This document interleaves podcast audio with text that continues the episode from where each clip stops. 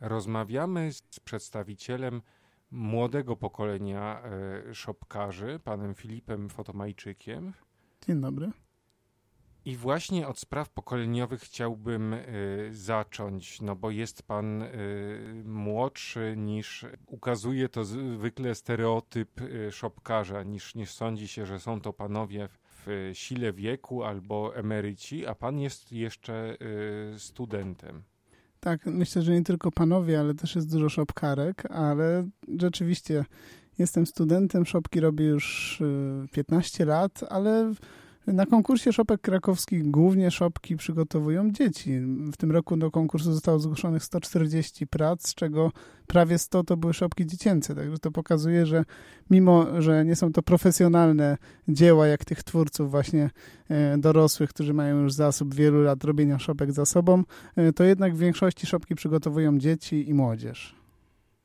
No tak, ale na pewnym e, etapie jest to przygoda, jest to zabawa, jest to taki pierwszy sukces, e, jeśli przyjdzie nagroda albo wyróżnienie, ale później staje się to e, rodzajem bardzo angażującej, wymagającej e, pracy. I dla mnie zaskoczeniem jest to, że właśnie wybrał Pan takie hobby, kiedy współczesny świat oferuje bardzo dużo różnych rozrywek to jest pokłosie tego, że świat oferuje właśnie wiele rozrywek, to, że ludzie nie mają jednej, dwóch pasji, tylko są w stanie zaangażować się w wiele różnych aktywności y, na co dzień. Tak więc myślę, że stąd to szopkarstwo w moim przypadku. Ja bardzo lubię poszerzać swoje horyzonty w różne strony. Kiedyś na mojej drodze stanęły te szopki.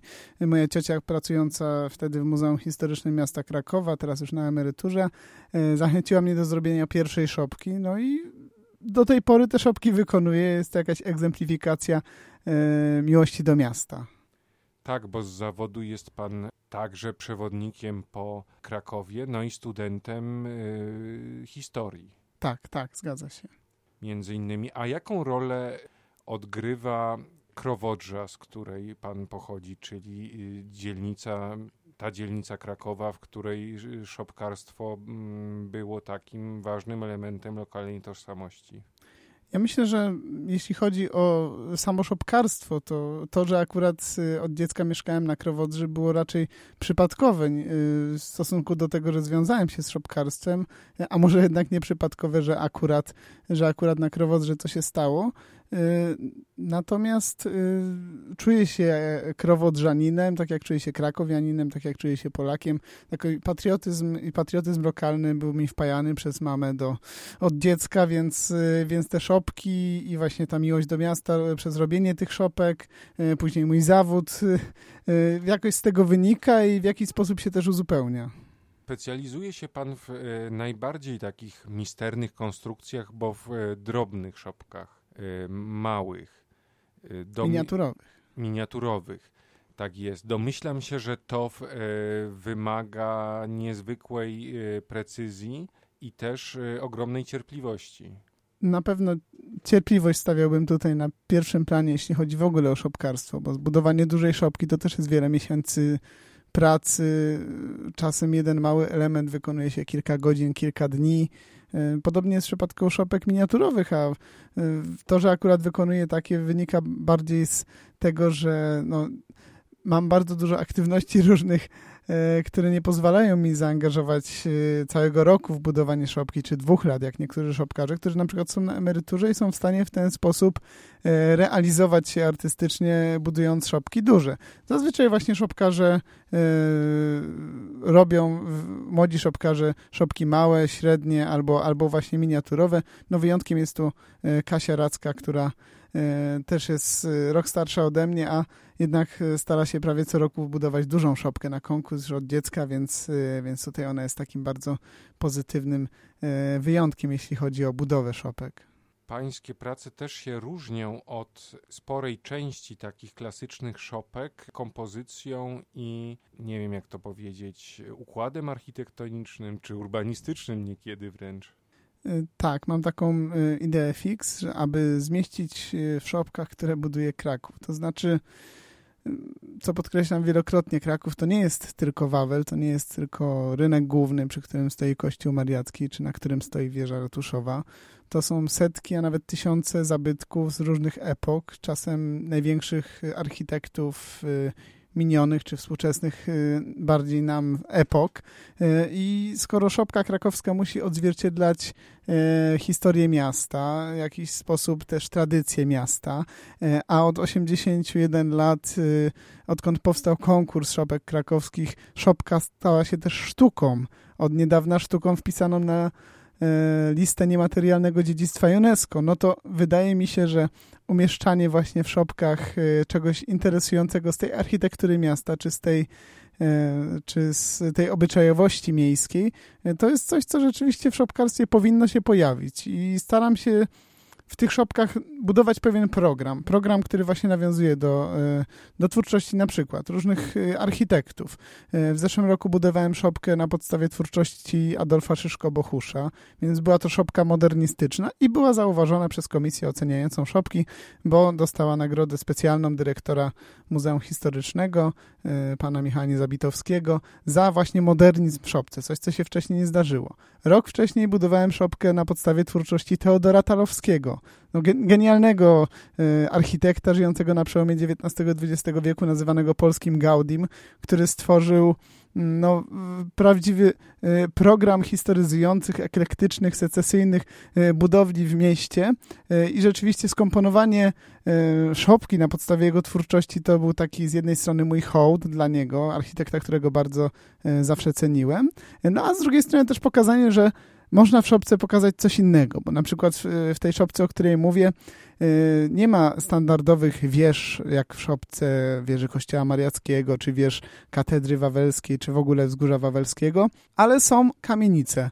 Kamienice takie jak pod śpiewającą żabą, pod pająkiem, y, jest przepust kolejowy przy ulicy Lubicz, są takie e, małe smaczki architektoniczne e, zakomponowane mimo wszystko w szopkę krakowską. Więc wydaje mi się, że to jest coś, co może rozwijać sztukę szopkarstwa, co może rozwijać w ogóle szopki krakowskie, to sięganie po jakieś takie inne wzorce w ramach, w ramach tych wymagań konkursowych.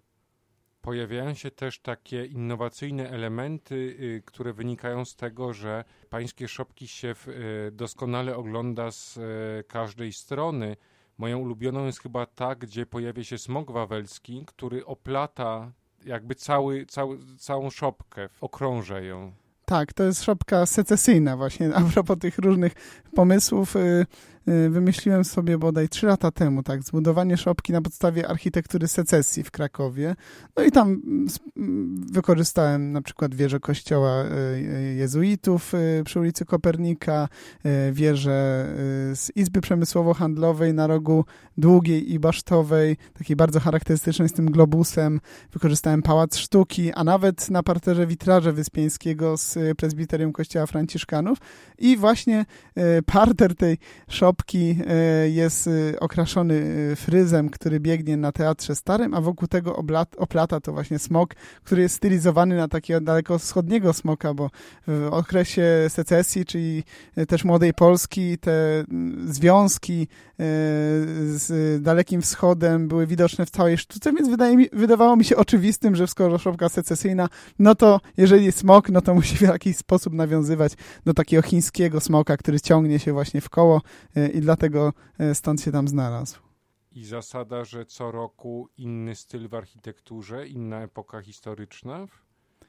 Y, inny styl, inna epoka, inny architekt, inny pomysł, e, inny program. Dlatego, że e, szopkarze często osiadają na laurach. Tak jak w ogóle artyści. Często zdarza się, że jakiś malarz maluje coś konkretnego i wszyscy znają go z tego, że maluje portret, maluje krajobraz, jest w tym dobry i używa tych samych środków do, do pokazywania właściwie różnych elementów. W szopkarstwie jest podobnie. Wielu szopkarzy ma jakiś swój styl robienia szopek i co roku tylko zmienia kompozycję, podwyższy wieżę, obniży, doda jakiś element, zmieni figurkę, żeby nawiązywać do współczesności, ale mniej więcej więcej mieści się w tej samej formie.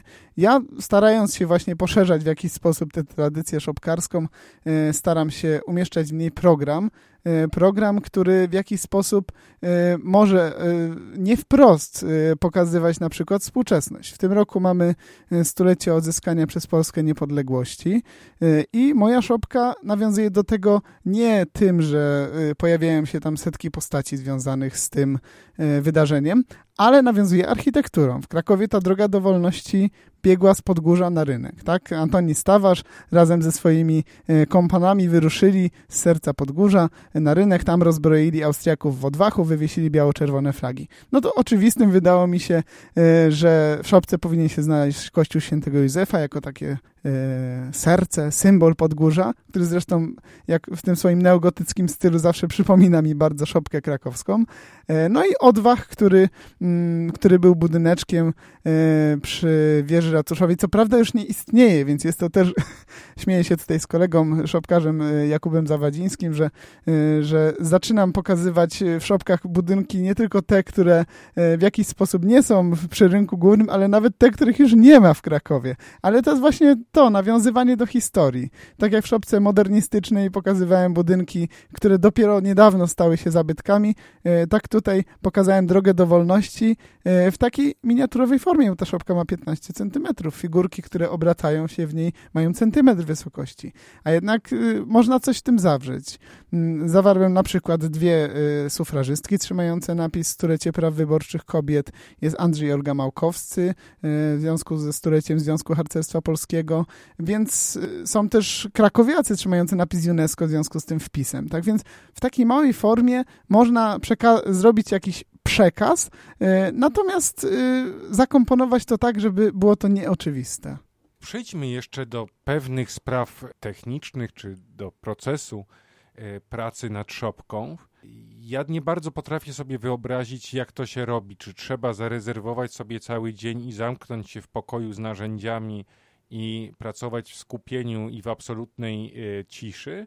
Czy można między zajęciami w, usiąść na kwadrans i na przykład Y, tworzyć, skomponować jakiś element. Wydaje mi się, że jest to o tyle niemierzalne, o ile jakakolwiek artystyczna praca nie jest mierzalna i jest bardzo zindywidualizowana. No bo czy malarz, na przykład malując obraz, spędza nad obrazem codziennie po 16 godzin? No nie.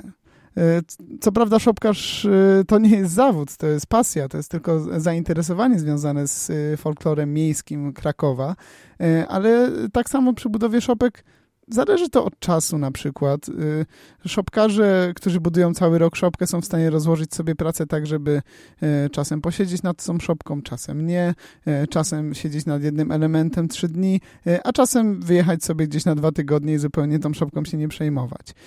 Innym razem, kiedy na przykład zostawia się na ostatnią chwilę, a często jest tak, że obowiązki życiowe zmuszają do tego, że szopka jednak jest na jakimś dalszym planie, że buduje się tę szopkę troszeczkę, troszeczkę w napięciu czasowym. Ja miałem tak w tym roku, kiedy właśnie obowiązki nie pozwoliły mi na przygotowywanie szopki specjalnie wcześniej, więc właściwie całą szopkę zbudowałem w trzy tygodnie. No ale była to praca po tam kilka godzin dziennie, a właściwie nocnie, bo właściwie większość szopkarzy, którzy mają pracę, studia, różne inne zainteresowania, no to siedzą po nocach tak, żeby e, innym nie przeszkadzać, żeby inni też nie przeszkadzali, nie chodzili po domu, e, żeby można sobie w spokoju e, nad szopką pracować. A jeśli chodzi o samo miejsce pracy, no to Wydaje mi się, że tylko pan Maciej Moszew, który już 58 lat buduje szopki, y, ma rzeczywiście swoją pracownię, w której może poświęcić się już budowie szopek, ma tam mnóstwo sprzętu, wszyscy szopkarze mu tego zazdroszczą, że właśnie y, ma takie y, bardzo specjalistyczne narzędzia, mnóstwo materiałów, do, których bardzo ciężko dotrzeć, no i przez te jego szopki są takie, takie świetne. Szopkarze angażują to swoje biurka, swoje jakieś małe pracownie, gabineciki, garaże. Kiedyś jak zaczynałem budowę szopki, e, poznałem szopkarza, który mi opowiadał o szopkach. Miał swoją pracownię w piwnicy, bo żona nie pozwalała mu w domu budować szopek, bo mówiła, że wiecznie jest baga, więc go wysłała do piwnicy, tam sobie urządził małą pracownię. Więc e, wydaje mi się, że jak z każdą pasją, która sprawia przyjemność, szopkarz znajduje na to czas właśnie w wolnej chwili, żeby sobie usiąść, wykonać jakiś element. To może być na zajęciach na uczelni, czasem skręcić jakieś, jakieś kuleczki jak już nie ma czasu, ale usiąść sobie na parę godzin nad szopką, zrelaksować się. Ja bardzo lubię oglądać sobie w międzyczasie kątem oka jakiś serial albo film, albo słuchać audiobooków, albo w ogóle muzyki, bo muzyką też zajmuję się zawodowo, jestem z wykształcenia muzykiem, studiuję też muzykologię, więc to też mogę w jakiś sposób połączyć, analizować audytywnie jakieś dzieła, a przy okazji budować sobie kolejne elementy szopki. Jak jest z materiałami, które się do tego pozyskuje? Czy te papierowe elementy to są, tak jak wielu uważa, sreberka po czekoladzie i papierki po cukierkach, czy kupuje się je w takiej surowej, powiedziałbym, formie?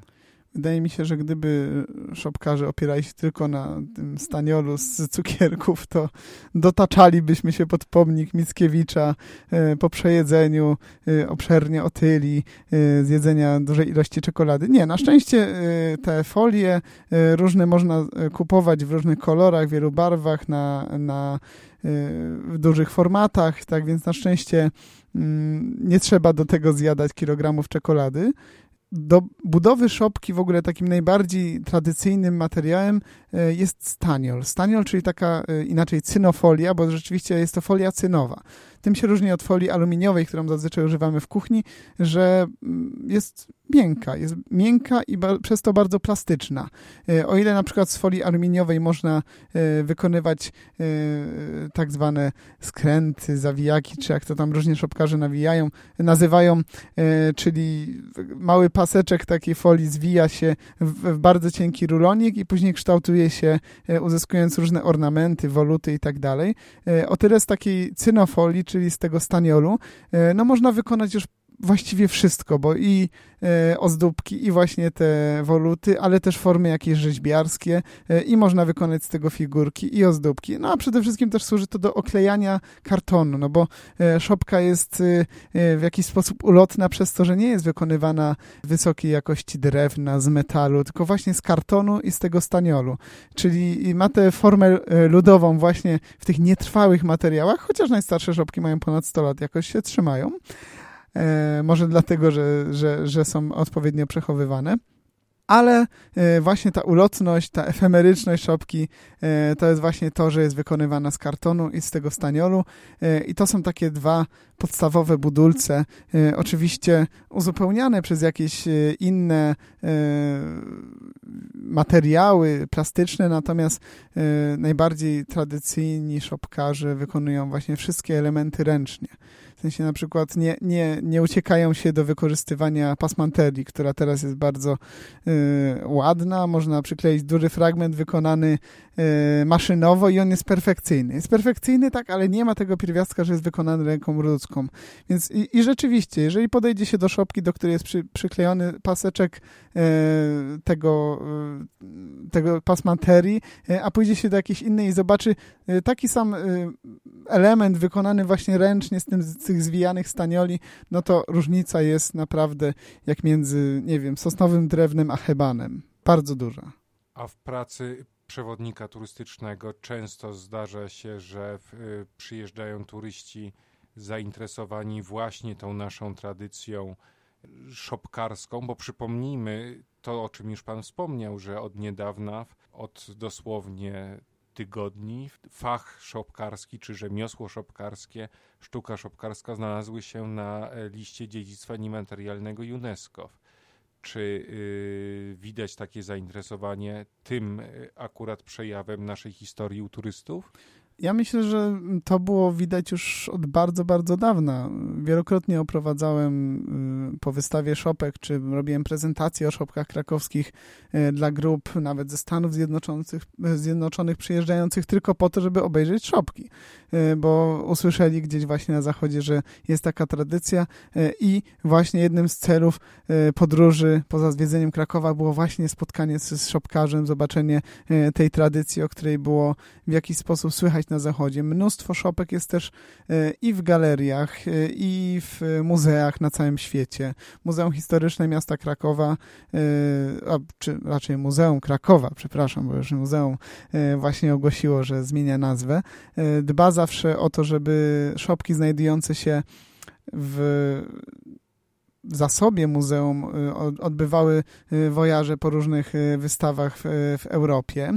Tak więc szopki można oglądać na wystawach czasowych i wydaje mi się, że też że wpis na tę reprezentatywną listę niematerialnego dziedzictwa ludzkości UNESCO będzie też y, bardzo dobrym materiałem promocyjnym dla szopkarstwa, że tradycja nie tylko będzie się bardziej rozwijała y, w Krakowie, ale też będzie bardziej popularna na świecie bo y, wpisanie na y, tak prestiżową listę y, niesie za sobą przede wszystkim taki aspekt komercyjny, że ludzie poznają na świecie, że jest w naszym kraju taka tradycja i warto w jakiś sposób ją poznać, a co za tym idzie, może ktoś będzie zainteresowany wystawą takich szopek, zakupem takich szopek albo budowaniem takich szopek. Są szopkarze, zdarzają się szopkarze, którzy są z zagranicy, przy, przywożą szopkę na konkurs z Belgii, ze Stanów Zjednoczonych. Parę lat temu był e, pan e, Motak z Pensylwanii, który razem z tam e, grupą Polonii starał się budować szopki i przywozili je na konkurs, starali się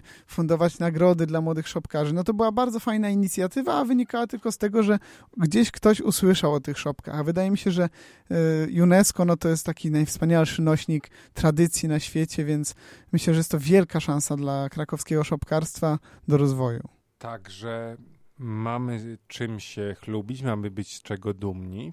Dla y, y, krakowianek, dla krakowian y, jest to takim powodem do chluby i szopki znalazły trwałe miejsce w tradycji kultury świata, tak oraz w przestrzeni naszego miasta od paru lat można je oglądać nie tylko w muzeum, ale także na ulicach e, Krakowa w takich specjalnych gablotach, a w tym roku w doskonałym wyborze i w bardzo ciekawej aranżacji, także na korytarzu przy czytelni zbiorów o Krakowie i Małopolsce. Naszym e, gościem był pan Filip Fotomajczyk, przewodnik, historyk, twórca szopek, biorąc pod uwagę to, ile ma Pan y, zainteresowań i talentów, to dostaliśmy tutaj pasjonujący wykład o tradycji i historii Krakowa i coś czuję, że będziemy Pana musieli ściągać teraz stale do Radia Rejska.